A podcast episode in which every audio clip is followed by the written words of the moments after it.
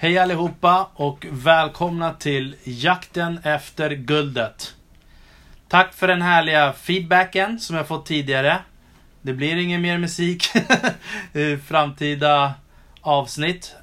Med mig idag har jag med mig Urban Hair Sara. 33 år gammal, har drivit bolag i 11 år och är en trebarnsmamma.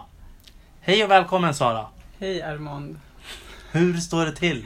Det är jättebra. Hur mår du? Jag mår jättebra. Bra.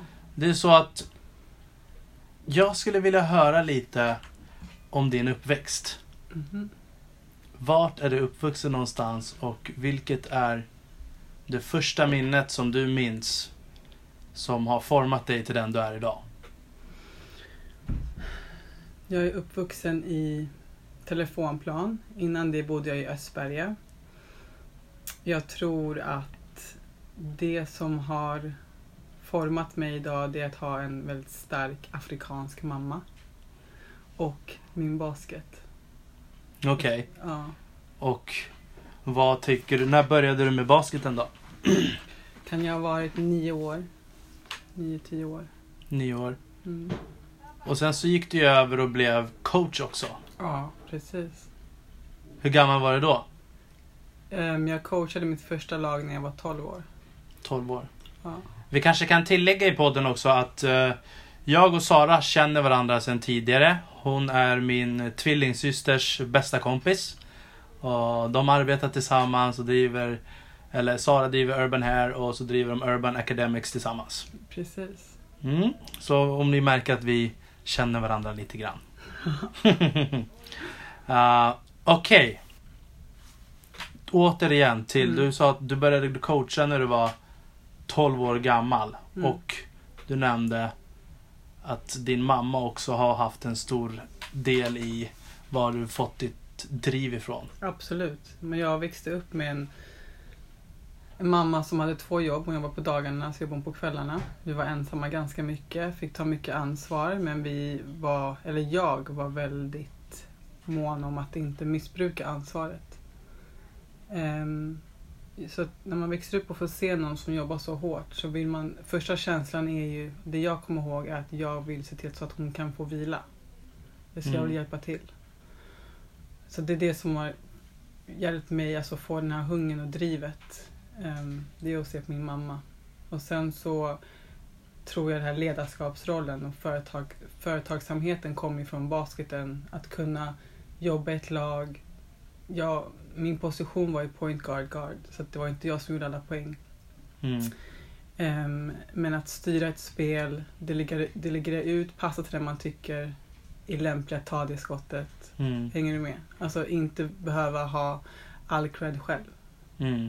Så att det, basen hjälpt mig jättemycket och därifrån också att coacha, att ha hand om ett lag. Okej. Mm. Kan vi... Vi kommer komma fram till några saker eh, senare i intervjun. Så jag skulle vilja fråga vilket land kommer din mamma och pappa ifrån? Min mamma är från Nigeria och min pappa är svensk. Okej. Och eh, vart har du gått i skolan någonstans? Jag gick i skolan i stan, i en engelsk skola, så en internationell skola. Det hette Johannesskolan. Hur var det att gå i de här internationella skolorna med barn som kanske har föräldrar som kommer från andra länder och, och kanske flyttar till andra länder igen? Ja, alltså det var skönt. Jag kände mig hemma där. Jag kände, inte mig, jag kände mig inte så vilsen. Alltså det var när jag kom hem. Eftersom jag gick i skolan i stan så, och bodde i AC alltså Östberg telefonplan.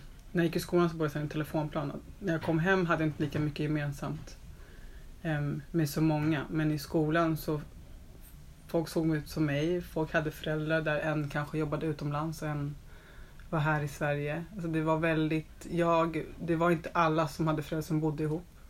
Mm. Men sen när man kom hem till gården till exempel, då var ju alla så här kärn, den typiska kärnfamiljen. Så att det var skönt för mig för att alla var olika och alla, jag stack inte ut i skolan liksom. Mm. Mm. Vem var du i skolan då? Alltså jag tror att jag var den här chilla, coola tjejen men som ändå gjorde bra ifrån sig. Alltså jag behövde inte plugga så hårt men jag, kunde, jag klarade mig. Mm. Jag, jag kunde få bra betyg om jag visste. Och, och det har varit så lite hela mitt liv att eh, jag har, klar, jag har kunnat klara mig på prover utan att behöva plugga. Ehm, men sen har jag vetat om att om jag verkligen kämpar och pluggar då kan jag bli hur grym som helst. Mm. Och det är det som har gjort mig lite lat. Att Mm. jag liksom har klarat mig på grund av viss kompetens eller viss erfarenhet. Men i skolan så var jag faktiskt duktig. Mm. Jag var inte bråkig. Jag var inte så här, man hörde inte mig högt i klassen men jag var ändå den som satt längre bak och hängde med de coola. Ja, var du en av, var du, vem var det som var ledaren då? Jag hade lite av en så här ledarroll men ändå inte. Alltså, alla var så fria själar men jag, jag följde ingen. Jag kommer ihåg ganska tidigt när jag var yngre så på skolgården så alla ville ju Killarna spelade alltid basket och tjejerna gjorde andra lekar och jag kände att jag ville göra de här andra lekarna vid klätterställningen så jag ville spela med killarna. Mm. Och vi har en gemen- gemensam kompis, Vojo till exempel. Du kan ju fråga honom. Jag sprang snabbare än honom i stafett när vi var yngre. Och... Mm. Men de tyckte Vojo det ska- var jobbigt. Oj, ursäkta. De tyckte att det var jobbigt att jag var med, killarna. Mm. För de var väl bättre än mig. Men jag ville verkligen vara med. De. Men tjejer är ju mer välutvecklade än killar i den åldern. Ja, Så att egentligen så förstår man inte varför man delar på tjejer och killar i så tidig ålder när det gäller just Ja. lek. Man gjorde ju inte det på den tiden. På den tiden em, så spelade basketlaget var både tjejer och killar blandade. Det var inte förrän man blev lite äldre som man delade på dem. Mm. Em, men tjejer tappade intresset för samma sporter som jag gillade. Så att de var tvungna att hitta mig em, lag som var lite utanför så att jag kunde spela med andra tjejer. Och då började jag spela med em, ett lag i central basket. Då var det ingen från min skola som spelade där. Mm. Då var det folk från Östra Real och där slog verkligheten till. Hur menar du då? Då kände jag inte igen mig alls. Jag fick liksom, för första gången så var det inte så vanligt att jag åkte själv till träningar till exempel. Alla fick skjuts. Jag hade inte de nyaste sneakersen, jag hade inte märkessneakers. Jag hade inte... Alltså... Hade, bara en sån liten grej som inte har vattenflaska. Mm. Alltså du vet, det hade jag inte. Jag hade inte inte mellanmål efter träningen och när vi skulle åka på läger så var det ingen som släppte av mig och kramade mig hejdå. Jag åkte tunnelbanan med vet, madrass ja. och så kom dit med sovsäck och madrass under armen och det så här. Så det var, ehm, och sen det var, det var en annan verklighet. De här barnen var väldigt skyddade. De hade inte sett så mycket i livet. Och jag i ganska tidig ålder hade sett väldigt mycket. Så jag kände mentalt att jag kanske var fyra, fem år äldre än dem. Mm. Det där har jag också känt på faktiskt Mm. och eh, kan relatera till. Jag har alltid tyckt synd om barn som är uppvuxna i villa Mm. eller på Östermalm till exempel. Mm. För de fick aldrig, de kunde ingenting. Nej, kunde namn på maträtter och byggnader runt om i världen. precis. Men samtidigt inget så fick ju de bara, alltså de fick ju vara barn. Ja, Vi fick ju växa upp ganska fort. Och då, det, sen kan man se på, alltså, när jag sen gick till, åkte till USA efter gymnasiet så visste jag att man planerade sin ekonomi, jag kunde betala räkningar, jag kunde tvätta kläder och sen så var jag med folk som var så här, du vet, pengar tog slut på en gång. De hade en fritid och festa varje helg. Så att det var en annan, då kände jag så att jag var tacksam över att jag fick växa upp lite fortare och fick den erfarenheten när jag var ung. Men när jag var yngre, när jag var där, då, då var jag förbannad. mm, Jag hade ju inga föräldrar som kollade på mina matcher och du vet, så som körde mig efter. Och, ja. Men eh, sen har vi ja, en annan fråga. Du och din syster började ju leva ensamma mm. hemma sen i Sverige. Ja, min mamma um, trivdes inte med jobben hon fick här i Sverige så hon åkte em, till London och började jobba. Och då var jag i en karri- då spelade jag verkligen basket på, em, vi spelade i division 1. Hur Alltså, gammal var division- du då? Jag kommer inte ihåg, jag var ung tonåring, alltså jag gick gymnasiet. Gymnasium? Var det Ja. gymnasieålder då? Ja, Jag trodde det var tidigare. det var tidigare. Men jag får inte säga det, det var tidigare. Jo, Det började- det. Alltså det började redan såhär 8-9 så bodde jag själv i telefonplan. Alltså när jag bodde mamma kom en gång i månaden och liksom var där några dagar, sen åkte hon till London och jobbade. Så du bodde ensam i telefonplan när du var 14 år ungefär och din storasyster var 16-17. Ja, innan, då- ja. Och då jobbade din storasyster. Du gick, Hon gick i skolan. hon gick i skolan men hon jobbade ju också. Ja, Och du började väl också jobba ganska tidigt. ja, Så att ni har ju praktiskt taget har du tagit hand om dig själv. sen du var 14. Din pappa bodde i Nigeria, och din mamma bodde i... London och Sverige. Han som bland, Mm, pendlade. mm, Grejen är så här att hon, hon ville att jag skulle flytta med henne till London. Men då älskade jag basketen så pass mycket att jag inte ville. Och då sa hon, klarar du att vara här? Ehm, vi testar och ser om du klarar av att vara här. Och det gick jättebra. Alltså utåt sett för hennes, för det hon såg så gick det bra. Ehm, så då, då, då blev det så. Vi stannade, det blev bra. Så jag växte upp så att hon var i London ganska mycket och jag var här. Och sen så hon ehm, hon skickade pengar, hon betalade räkningen. Jag hade hand om styrekonomin hemma. Med de pengarna, med hennes kontokort i Sverige. Liksom. mm. Ganska tidigt. Så jag kunde liksom... Tänk dig att vara så ung och det här är innan jag är 14 så har man en klumpsumma på konto. Så här, 14 000, oj shit. Men det skulle jag få räcka hela månaden. Ja. Alltså vi alla andra vi som eh, känner dig. Vi har ju alltid sett dig som den här. Ja, allvarlig. Du har ju varit som en morsa. Har jag Det är det? därför vi inte har Idrott med mig. pratat med dig. Är det Så sant? att du har ju varit ordentlig och Mm. allvarlig och... Ja, då... Lite rolig hoppas jag. Nej, jag vet inte. Vi ljuger. Allvarlig. Så att... eh, Ja, men då, då ser man i alla fall vart du har fått drivet och du har hanterat uh, vuxenekonomi i Mm. tidig ålder. Ja. Uh, sen kommer vi till... Känner du liksom, är det något mer som under den perioden som du tror har påverkat och gett dig driv? Än att ja, alltså. Tänk när jag gick i gymnasiet sen. När jag var 12 år så hade vi två dagars prao. Och då gick jag till, um, jag tror det var Rooster. någonstans. Nej, det var, det var innan det. Vart gick jag? Jag gick till Makeup Store, praoade två dagar. Och sen så efter det så um, kände jag att man kan jobba också. På helger. Alltså då var jag ändå ganska ung. Så jag bad min mamma um, teckna sån här att vet, du, dela ut reklam i Hägersten. Mm, Då var jag ganska ung och då fick jag göra det på hennes namn. mm, För att jag var för liten för att göra det själv. Så att jag började dela ut reklam och då kommer jag ihåg att jag hade så här 4000 extra i månaden. Till, från att jag sen hasslade in mig på um, Rooster. Man fick inte stå i kassan om man inte var 15 men jag sa att jag var jag tänkte om jag säger att jag är äldre innan de behöver så bad ju de med mig om mina kontouppgifter men jag hade inte sånt. mm. Så när det är dags för lön då har de sett mig jobba och då kan jag säga så ah shit jag är yngre men jag kan jobba. Ja. Och det funkade. Jag fick jobba kvar och vi löste det. Och sen så från det att jag började på taco bar medan jag gick gymnasiet. Så för mig kom ett driv att jag vart inte... Jag var understimulerad i skolan för att jag kände visste om att man kunde tjäna pengar. Och här satt jag i ett klassrum och tjänade inga pengar. Mm, Och lyssnade på saker som jag tyckte var oväsentligt just då. mm. Så till slut så började jag liksom sjukanmäla mig så att jag var sjuk för att kunna gå och jobba. Och då började jag jobba på 7-Eleven gymnasiet. Då jobbade jag så här hela natten. Får jag fråga, vad, vilken gymnasieskola gick du i och eh, vilken linje? Jag gick Fryshuset, gick jag ekonomi med inriktning på basket. Ja, Okej. Ja. Mm. Kan du berätta lite för våra lyssnare vad Fryshuset är för slags skola, de som inte vet? Alltså jag vet inte vad, vad det betyder, vad för slags skola. Det är så här, man har ju olika vad är det, inriktningar. Och så, så jobbar man i små grupper och det är ganska fritt arbete. Men man, man har en deadline för allting. Så man jobbar i en grupp av fem, då har du ditt område att jobba med. Sen måste du leverera, säger typ den tionde. Och då måste allting vara klart. Och grupp, hela gruppen får ehm, betyg på grupparbetet. Mm. Sen så har du också egna prov och så. Så att i Fryshuset så hamnar man efter om man inte kunde ta eget ansvar och jobba själv.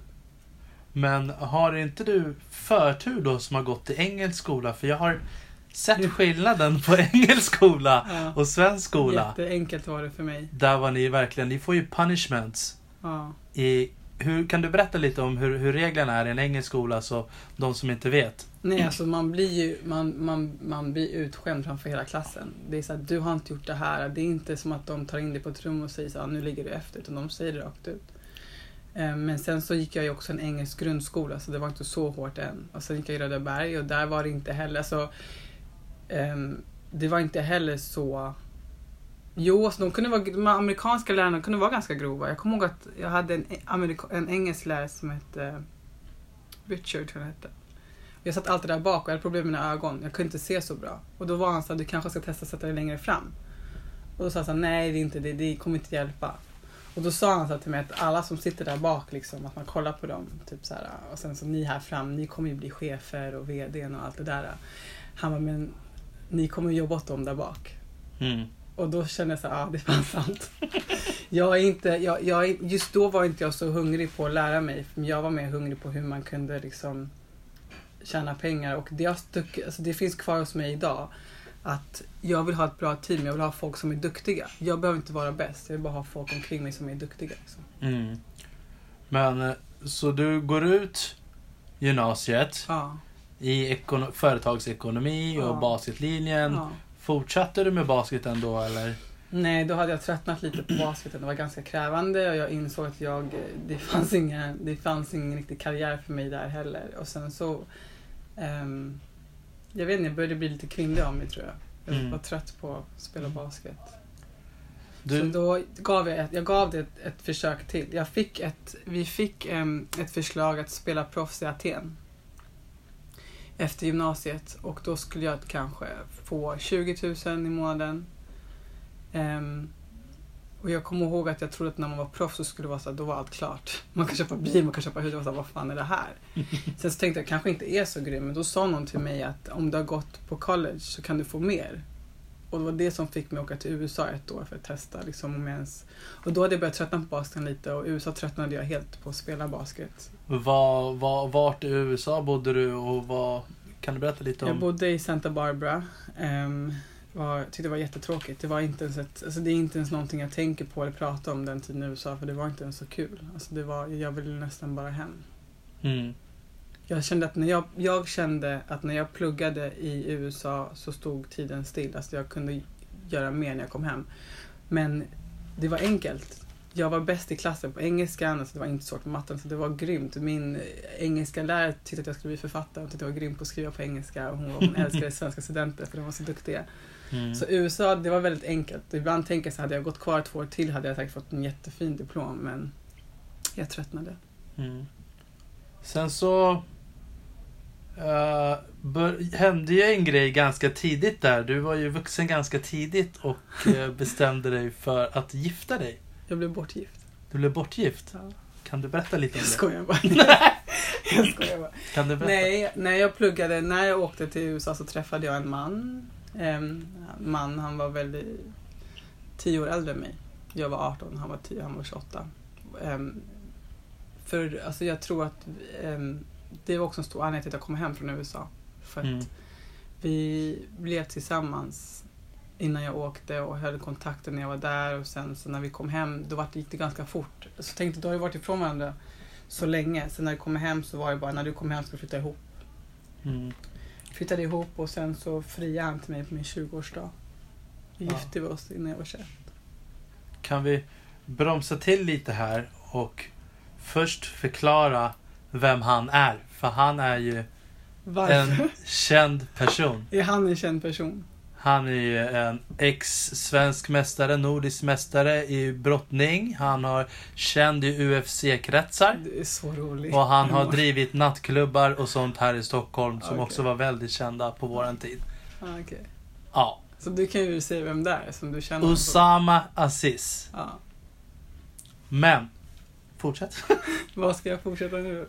Eh, ni- Han friade och Ja, du gifte dig oss. redan vid 21 års ålder. Ja, innan jag fyllde 21. Alltså, han friade på min 20-årsdag, vilket var 2 december. Och sen så gifte vi oss augusti, 5 augusti året efter. Så det var innan jag var 21. Mm. Jag tror att han var äldre än mig, så det var, för honom var det väldigt så här, viktigt att allting gick relativt fort. Han ville ha barn och familj ganska tidigt. Och jag, jag älskade honom var kär i honom. Liksom, min hjärna när jag var 20 Mm. var han liksom helt perfekt. Och han, han är en bra person. Mm, det gör han verkligen. Ehm, så jag kände liksom att det här är...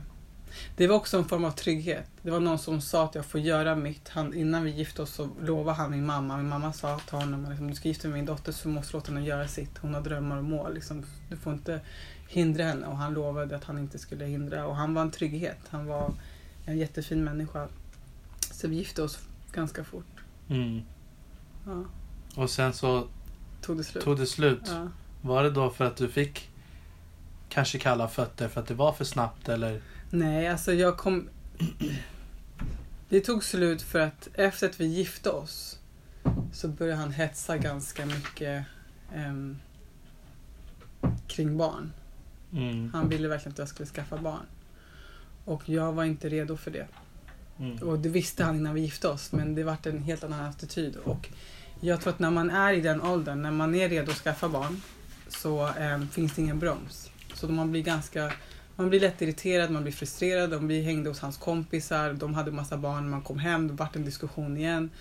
Och sen till slut så fick jag faktiskt ett ultimatum. Att antingen skaffar vi barn eller så skiljer vi oss. Visste Mm. du det? Nej, det Nej. visste jag inte. Och då sa jag, nej men då skiljer vi oss. Men jag kan ju tycka att det var bra. Vad tycker du? Alltså, Jag tycker att det var bra. Jag tycker det att, är ju moget och bra alltså f- för han och för dig. ja. Bara att jag sen fick barn innan honom. men jag ska bara slänga in det där. Ja, Men, jag sa till honom, ge mig ett år. Men han hade inte ett år att ge. Så att det tog slut. Och jag, jag tror att när jag var yngre så var jag väldigt målmedveten. Alltså jag hade framför mig och det är så kul för när jag tänker efter så har jag verkligen lyckats med det. När jag var liten så sa jag till mig själv när jag hämtar på dagis och de frågar vad gör din mamma? Då ska jag säga att min mamma har en salong och hon heter det här och hon gör det här och du ska vara stolt. För att ehm, när jag pratade om min mamma så var hon undersköterska. Min mamma var en affärskvinna innan hon kom till Sverige. Hon, och hon Mm. var det i Sverige också men hennes extrajobb var ju under, att vara undersjuksköterska. Så att jag ville, och jag skämdes lite för att säga det när jag gick i skolan. Mm. Ehm, men hur som helst, då sa jag det till honom och jag sagt det till, till mig själv att innan jag skaffar barn då ska, jag ha, då ska jag vara trygg. Jag ska ha något som är mitt. Det ska vara mitt eget liksom. Och mycket väl så precis när jag fick en egen salong då kom allt det här med att ja, nu måste du välja. Och då sa jag så här, men nu har jag fått salongen, ge mig ett år. Men det ville han inte och jag var så fokuserad så att hur mycket jag älskade honom så släppte jag honom ganska fort. Det Mm. var liksom, okej det är lugnt. Mm, mm. Och eh, nu kommer vi komma till en fråga som jag har där Mm. vi kanske kommer komma tillbaka till Ja. bak i tiden lite grann också. Ja. Men du träffar en ny kille Mm. som också är ganska nykänd, Ja. får man säga. Och han är en resande artist. Mm. Och du väljer att få barn med honom Mm. Väldigt tidigt. Du Kan du en, berätta du har ju lite om dragit det? en slutsats. förlåt, förlåt, förlåt, förlåt. Men det är ingen fara. Jag kan säga det. Jag visste inte vem Usama var när jag träffade honom. Ehm, när jag träffade Usama, det var på nyårsafton. Vi var på en nyårsfest på hans klubb och han stod i garderoben och tog emot jackor.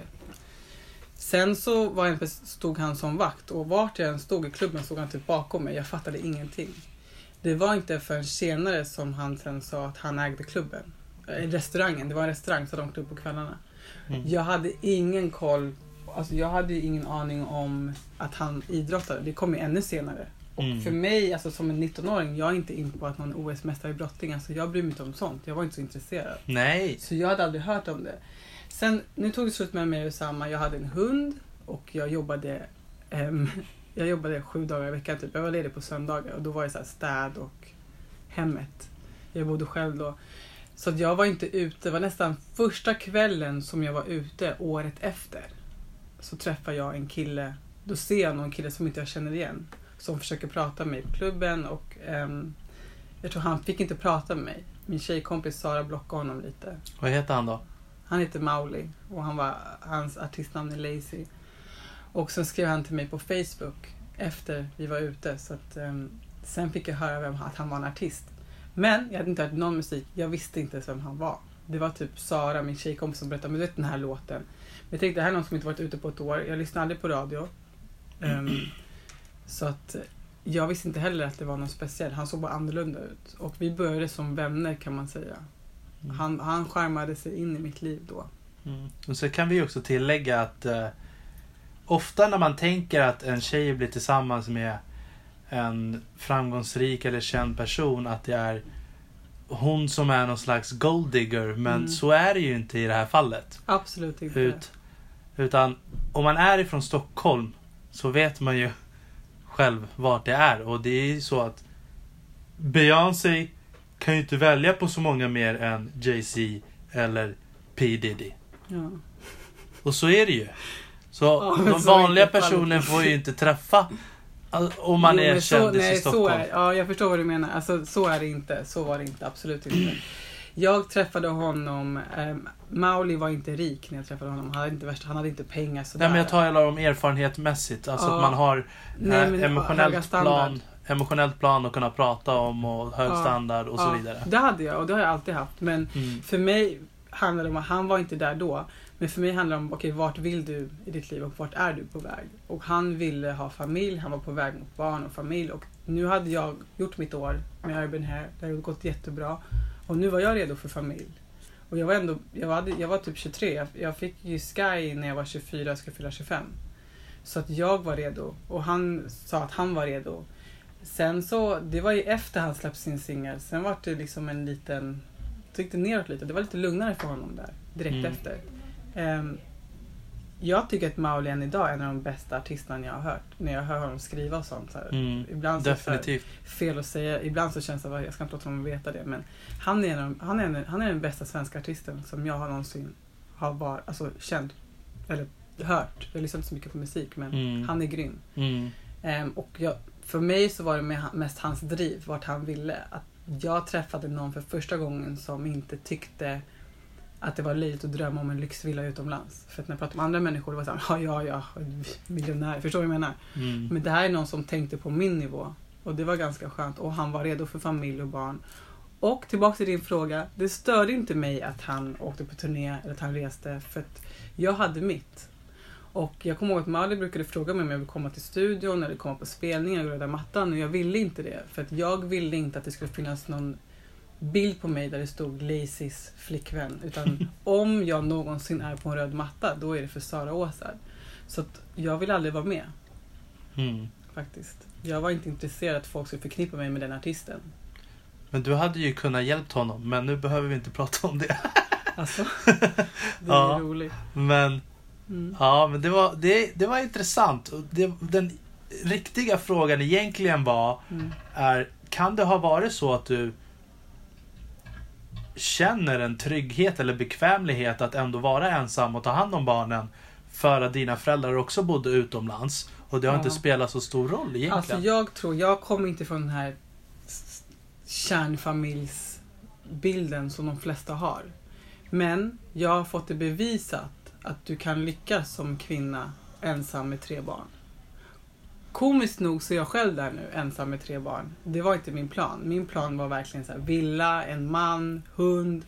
Vi ska åka på solsemester tillsammans. Alltså min vision var att jag skulle vara med en man. Men jag ville ha en stark och trygg man. Och jag har lärt mig ganska tidigt av min mamma, om någon inte kan ge dig någonting, och då ska inte du vara kvar. Varför? För du börjar ganska mycket av dig själv. Fastän hon är gift med min pappa, alltså de är gifta. Än idag bor de tillsammans i Fruängen. Och att Mm. han reste och hon reste, de höll ihop. Men jag tror att det som hände, att jag fick se att man kunde lyckas utan en man. Mm. Och så, så älskar jag mig själv för mycket för att vara i en situation där jag inte trivs. Eller där jag känner att Mm. jag måste vara mindre än vad jag är. Och det är det som har hänt. Jag behöver inte bekräftelse, så jag behöver inte sova bredvid min man varje kväll. Ehm, Däremot så behöver jag kunna lita på honom och ha en viss trygghet. Mm. Och en person måste vara trygg. Och det är där det, är där det sprack liksom med både Usama och med Mauli och med mitt, mitt ex. Det var den här tryggheten. Mm. Och det var det här att liksom, för mig vet man att hålla sina, sitt ord. Men så du gör slut med Mauli Mm. och sen så ett tag, lite tag senare så träffar du en ny kille Ja, och berätta. han Han eh, Är utomlands. bor ju i London Ja. och han är manager till en känd rappare som Nej, var inte, han, var inte, han tog någon som inte var känd och försökte få honom känd men han lyckades aldrig riktigt. Ja, men Skepta. Nej, han har inte varit manager Skepta. Nej, det har Mm. han inte. Okej, okej. Ja, fortsätt. Nej, men han var, när jag träffade honom så var han inte, musiken var en liten del av det han gjorde. För jag bestämde mig efter Mauri att jag inte ska ha någonting att göra med någon i musikbranschen alls.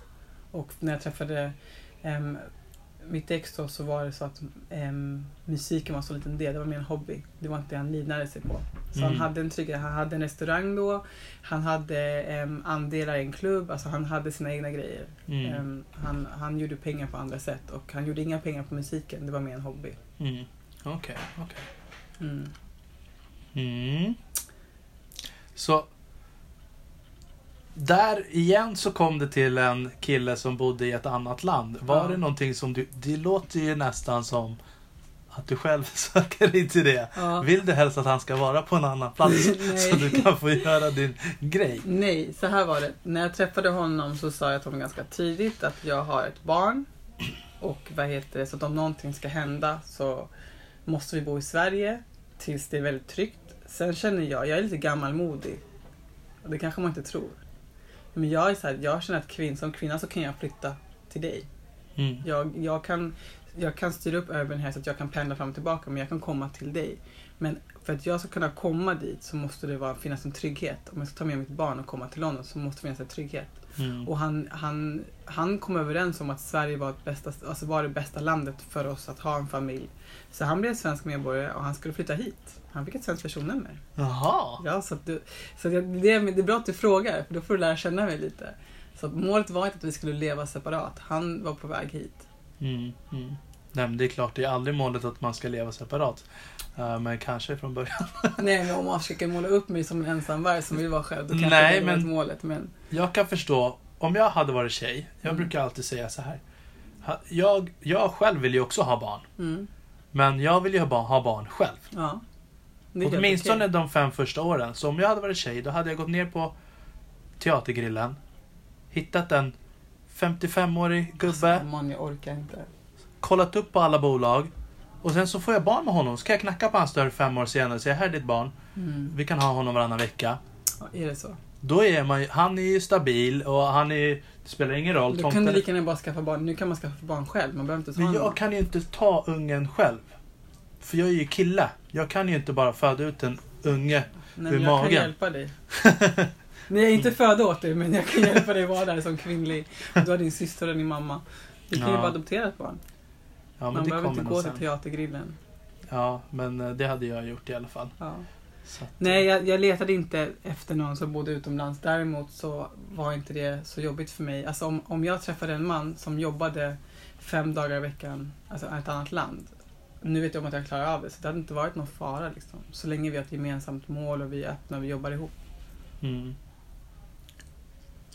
Och vad är det som är viktigt för dig? För nu, jag vill komma tillbaka till kärnfrågorna, vad hela den här podden handlar om. Och det handlar om vad är jakten? Ja, Vad är guldet? ja. Och varför? Alltså guldet för mig, det är, mitt livsmål har alltid var- varit, alltså sen jag var yngre, det är att inte vara... Jag kommer ihåg när jag var liten så bruk, mitt första jobb var på säljbolag. Och då em, gick jag dit, jag jobbade från 9 till 6. Och efter en månad så tänkte jag, det här är inte livet. Hur fan kan jag komma hit 9 till 6 och bara jobba? Så jag sa till, och jag sålde ganska bra, så jag sa till min chef då, Pierre, att du, måste komma på någonting annat för mig. Det här funkar inte. Så var han så här, vad vill du ha? Vad vill du ha? För jag sålde jättebra. Jag bara, men jag vill kunna komma och gå som jag vill. Ja, men det ser inte bra ut, sa han. Jag bara, okej, men så här är det. Ge mig ett mål. Så när jag når den, då får jag bestämma min tid själv. Och då gjorde han det. Och som jag är, hungrig som jag är, så jobbar jag ändå ganska mycket. Nu vill jag slå det och bli, göra ännu bättre ifrån mig. Men min grej var att, sen sa jag till honom, nu ska jag åka på semester. Han bara, men sa du har inga semesterdagar, du kan inte åka. Ja, men vadå, då tar jag tjänstledigt. Ja, men det kan ju inte bara göra. Ja, men jag säger upp mig. Jag, här, jag, kan inte, jag kan inte vara fast. Och min grej var så när jag var yngre, att målet med livet är att jag vill inte vara en slav. Alltså jag vill inte vara en mental slav i samhället där jag inte kan göra ett val. Eller åka vart jag vill, eller göra vad jag vill för att jag inte har ekonomin, eller för att jag inte får det för min chef. Eller... Så målet för mig är att må, leva och bo bra och inte behöva oroa mig över ekonomi eller någon som styr över mig. Mm. Det är mitt guld. Mm. Så att det är inte auktoritetsproblem utan det handlar mer om en frihet att kunna göra vad man vill för att nå sitt mål och inte vara låst till gamla strukturer. Precis. Alltså jag vill inte... jag har stora visioner och jag vill kunna hjälpa ganska många omkring mig och jag vill hjälpa folk som inte ens jag känner. Alltså jag, jag har brinnande intressen för andra saker och jag vet att jag kommer inte kunna göra de här sakerna om jag har ett vanligt 9 till 5 jobb. Jag måste, jag måste dra in pengar medan jag ligger och sover.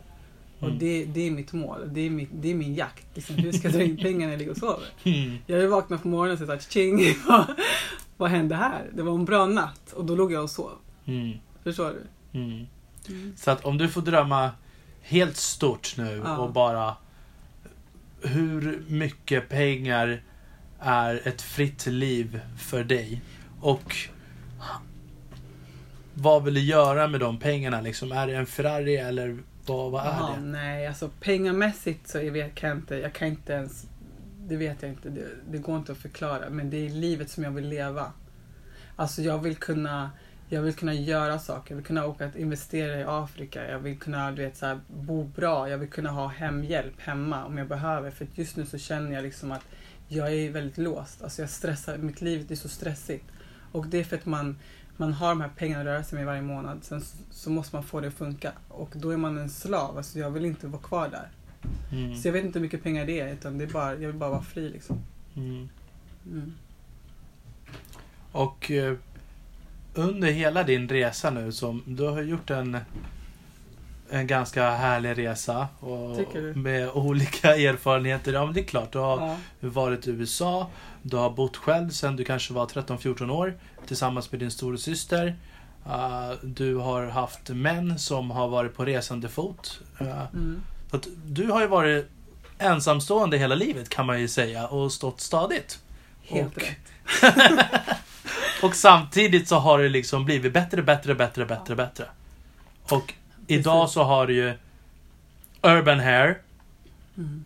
en fet salong Mm. som riktar in er på hår med textur. Yes. Kan du berätta lite mer om det? Ehm, det är en salong egentligen, alltså vi frisörer kan alla hårtyper. Men jag ville, jag, jag ville öppna upp en salong där man inte behövde fråga, ah, kan ni sånt här hår? För det var, det, det var så jag växte upp.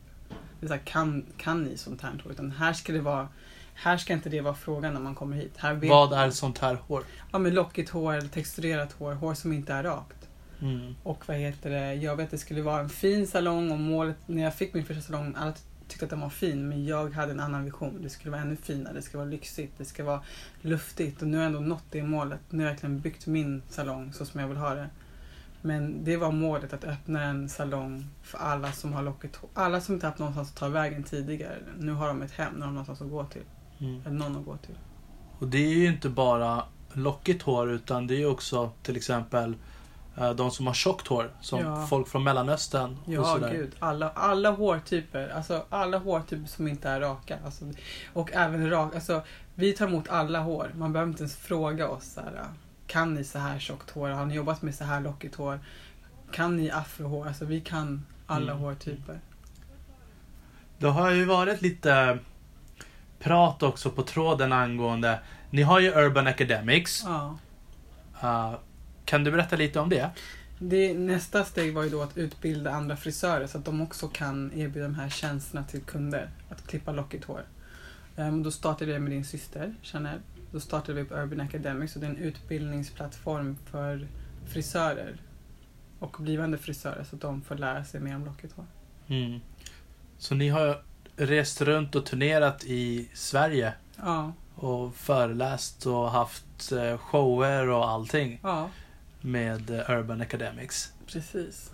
Och sen har vi ju haft en annan plan också som vi ville få igenom här. Mhm. För att det går ju väldigt mycket, eller vi har ju mycket kända personer och sådär runt omkring oss Mm. inne i stan. Mm. Det låter ju konstigt men för folk utanför Stockholm så kanske man tror att är man med i Paradise Hotel så är man känd. Ja, Då kommer man in på krogen, då känner man alla och då kan man göra allt. ja, Men du måste ju känna någon för att komma in på krogen. ja, Eller kunna göra allt.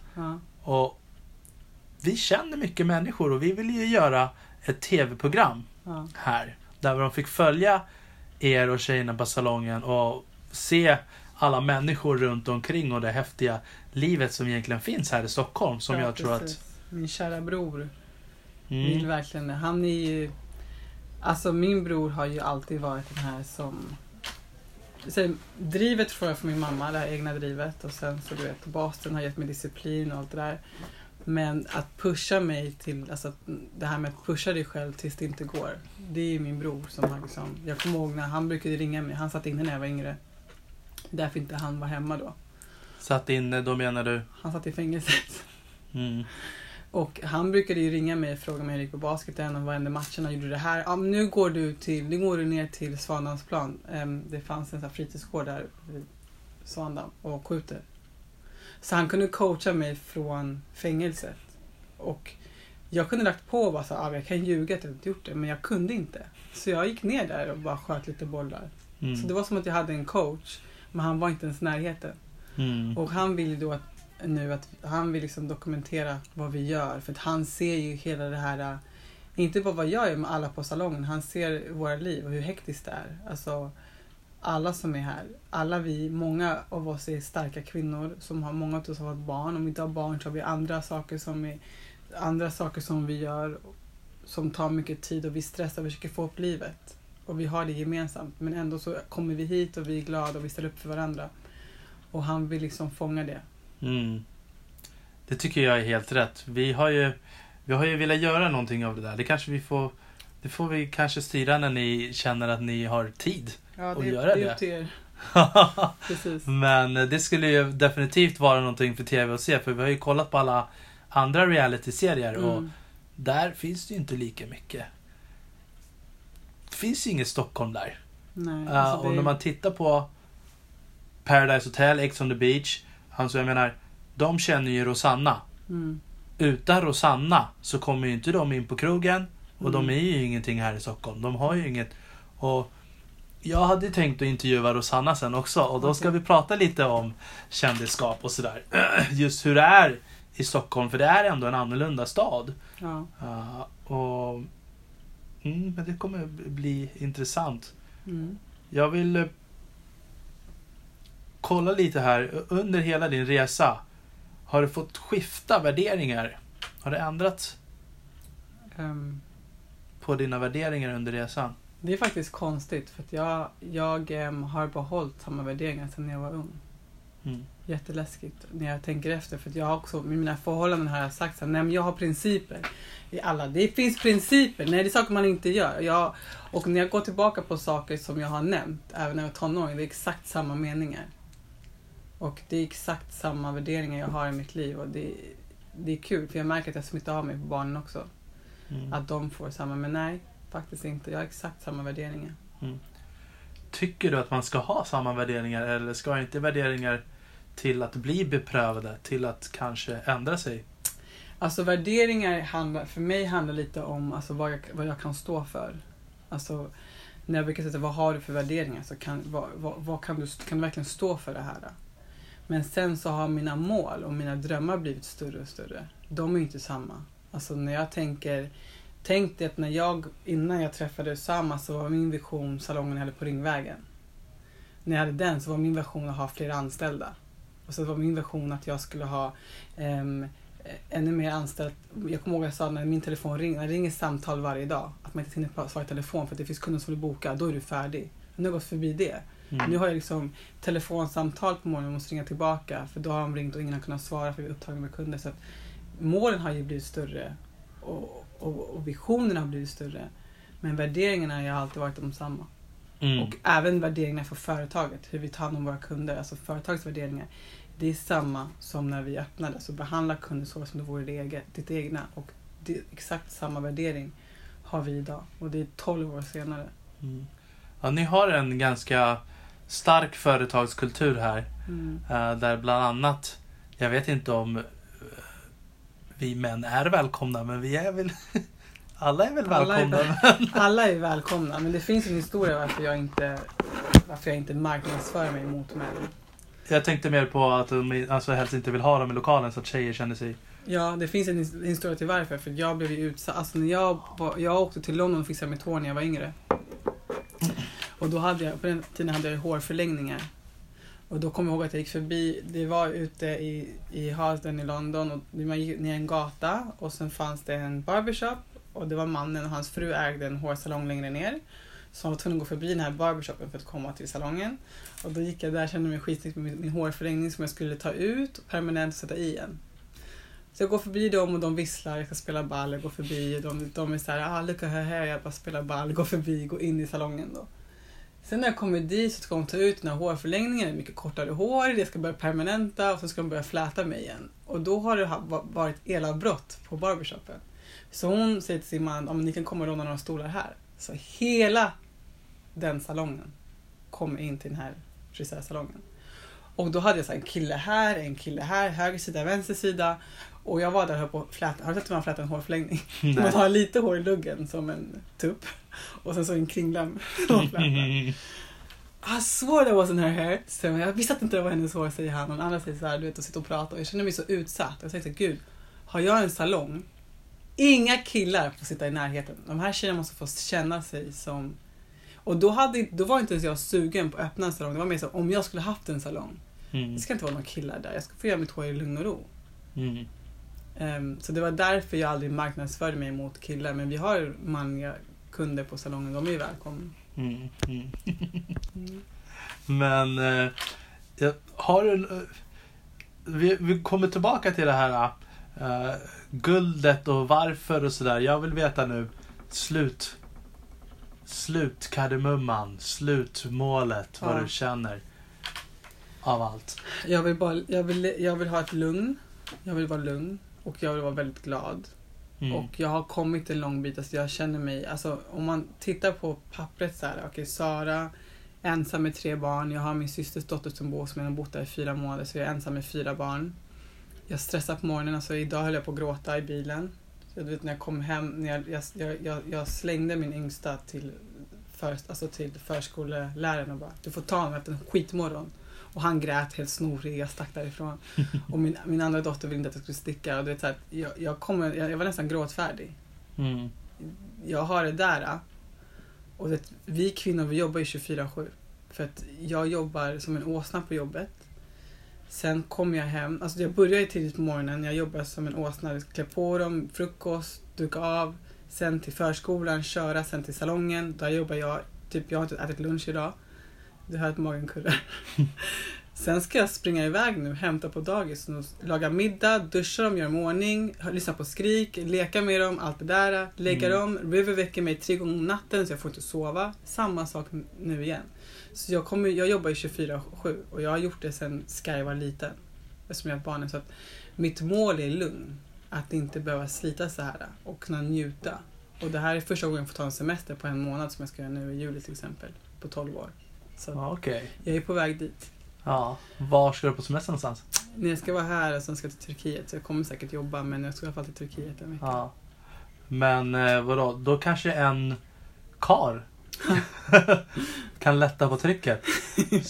Söker, Kan ni det? Söker, Är du, det verkligen en lättnad på trycket? söker du efter en, en mogen man här som är redo att ta sig an en stor familj och... Ja, precis. Ska jag säga, ska jag säga en sak?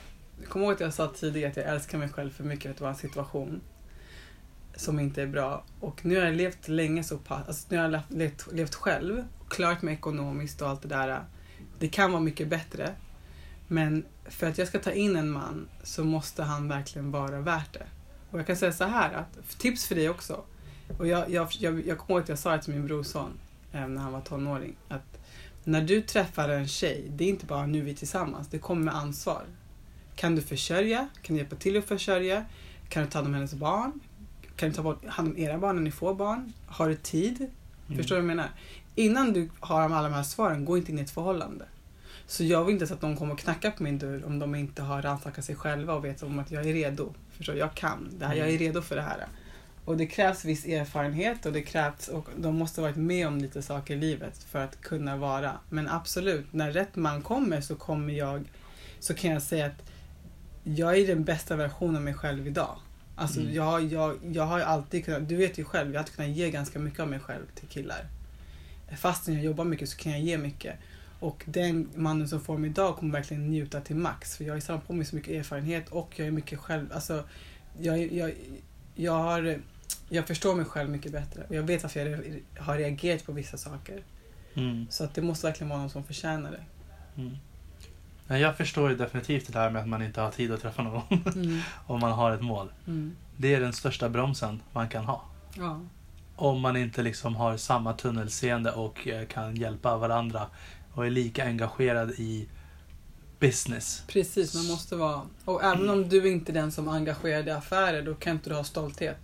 Alltså det är okej, jag, jag, jag har vissa kunder som har män som inte är lika drivna, men då är de öppna till att ta hand om hushållet mer. Förstår, de är öppna till att hämta barnen och, och ta det backseat och låta henne skina. Men Så jag, du vill ha en houseband? En house men jag vill inte ha det. Nej, nej, jag vill ha någon som jag kan växa med. Jag vill ha någon som är driven, någon som är hungrig, som vi kan sitta och lite så här, smida planer tillsammans och bygga ett imperium. Alltså jag vill bygga ett imperium. Och jag vet själv att man är starkare när man är två. Men tyvärr har jag alltid känt mig starkast själv, för det kanske att jag inte haft de bästa förutsättningarna i förhållanden. Min familj säger också det, att när jag, ibland när jag varit i vissa förhållanden, då har det bromsat ner mig lite. Och jag måste Man är ju starkast själv, så det tycker jag också. Definitivt. Jag kan ju gå på dagen var som helst, Mm. över hela världen. Mm. När jag eh, tänker på mina konkurrenter som jag hade med med Game Nutrition. Det är så här, hallå, jag kan rycka lur varje dag. Mm, Stressa varje dag. mm, Du sitter och äter middag med din familj. ja, Och sen ska ni på semester. ja. Fyra veckor på sommaren. Men Armand, Sen är det julafton och- liv. Man måste kunna, man måste, men det är det jag menar. Ja, ja, För men- att komma dit så måste du, och det är det jag menar. Så säg att om, när du väl tycker att det är dags för dig att skaffa, ett, ett, skaffa fru och barn, då har du, måste du ha kommit någonstans. Du kan inte ta på dig det, det ansvaret och inte ha någonting att ge. Så när du väl nu träffar din fru, då har du kommit någonstans med dina föräldrar, hoppas jag. Och då kan du ta henne och din familj på semester och du kan sitta där och käka middagar och njuta av din familj. Men ge dig inte in på det där äh, om du inte har kommit någonstans. För då bromsar du ner och då kommer hon bromsa ner dig. Jag kommer inte hitta någon tjej nu, så är det bara. Okej. Okej. Ja, Mm. ja. Jag vill... Eh, vi kanske ska avrunda nu. Jag tycker att vi har haft ett Ja, det var jättekul. jättebra samtal och Ja. man har fått höra en Mm. hel del. Mm. Jag hoppas att våra lyssnare också tycker om och vill höra om det här. Jag kommer ha en hel del blandade människor. Uh, vissa som har kommit en bra bit på vägen. Uh, andra människor som bara har ett otroligt driv. Uh, en historia att berätta. Uh, jag vill helst inte ha den här klassiska resan. De som har pluggat på Handels, jobbat två år på ett ställe, sen två år på nästa, två år på nästa och har en position. Det är inte så intressant. Har du någon intressant som du kan rekommendera som du vill ta in till podden? Ja, Någon person med annorlunda resa och driv? eh, absolut. För jag suger på den karamellen. Jag har säkert flera stycken som jag kan rekommendera till dig. Mm. Du har ingen du kan rekommendera nu? Podden. Live. Ja. Ehm, jo, ska jag tänka här. Vet du, jag hade någon när jag pratade med dig igår som jag tänkte du måste höra av dig här personen. Nu har jag glömt vem det var. Mm. Men kan jag få fundera lite? Du kan få fundera. Men om man vill nå dig, Mm. i vilka kanaler når man dig bäst? Jag är ju som mest aktiv på min Instagram. Urban Hair Sara. Urban Hair Sara? Ja, Mm. Sara med ett H på slutet. Mitt mobilnummer, jag skojar. Nej, det är väl där man, också mitt, på mail, på, via salongen, Urban Hair, kan man komma och besöka mig eller... Mm. Ja. Och om någon kanske vill beställa en kurs av Urban Academics då? Då mejlar man till info.urbanacademics.se. Vi har en hemsida och kan besöka den också. Mm. Mm. Ja men vad trevligt! Vad trevligt. Tack så mycket för det fina samtalet Sara Tack Armand. och alla mina härliga gäster. Vi hörs igen nästa vecka. Tack så mycket. Jakten efter guldet.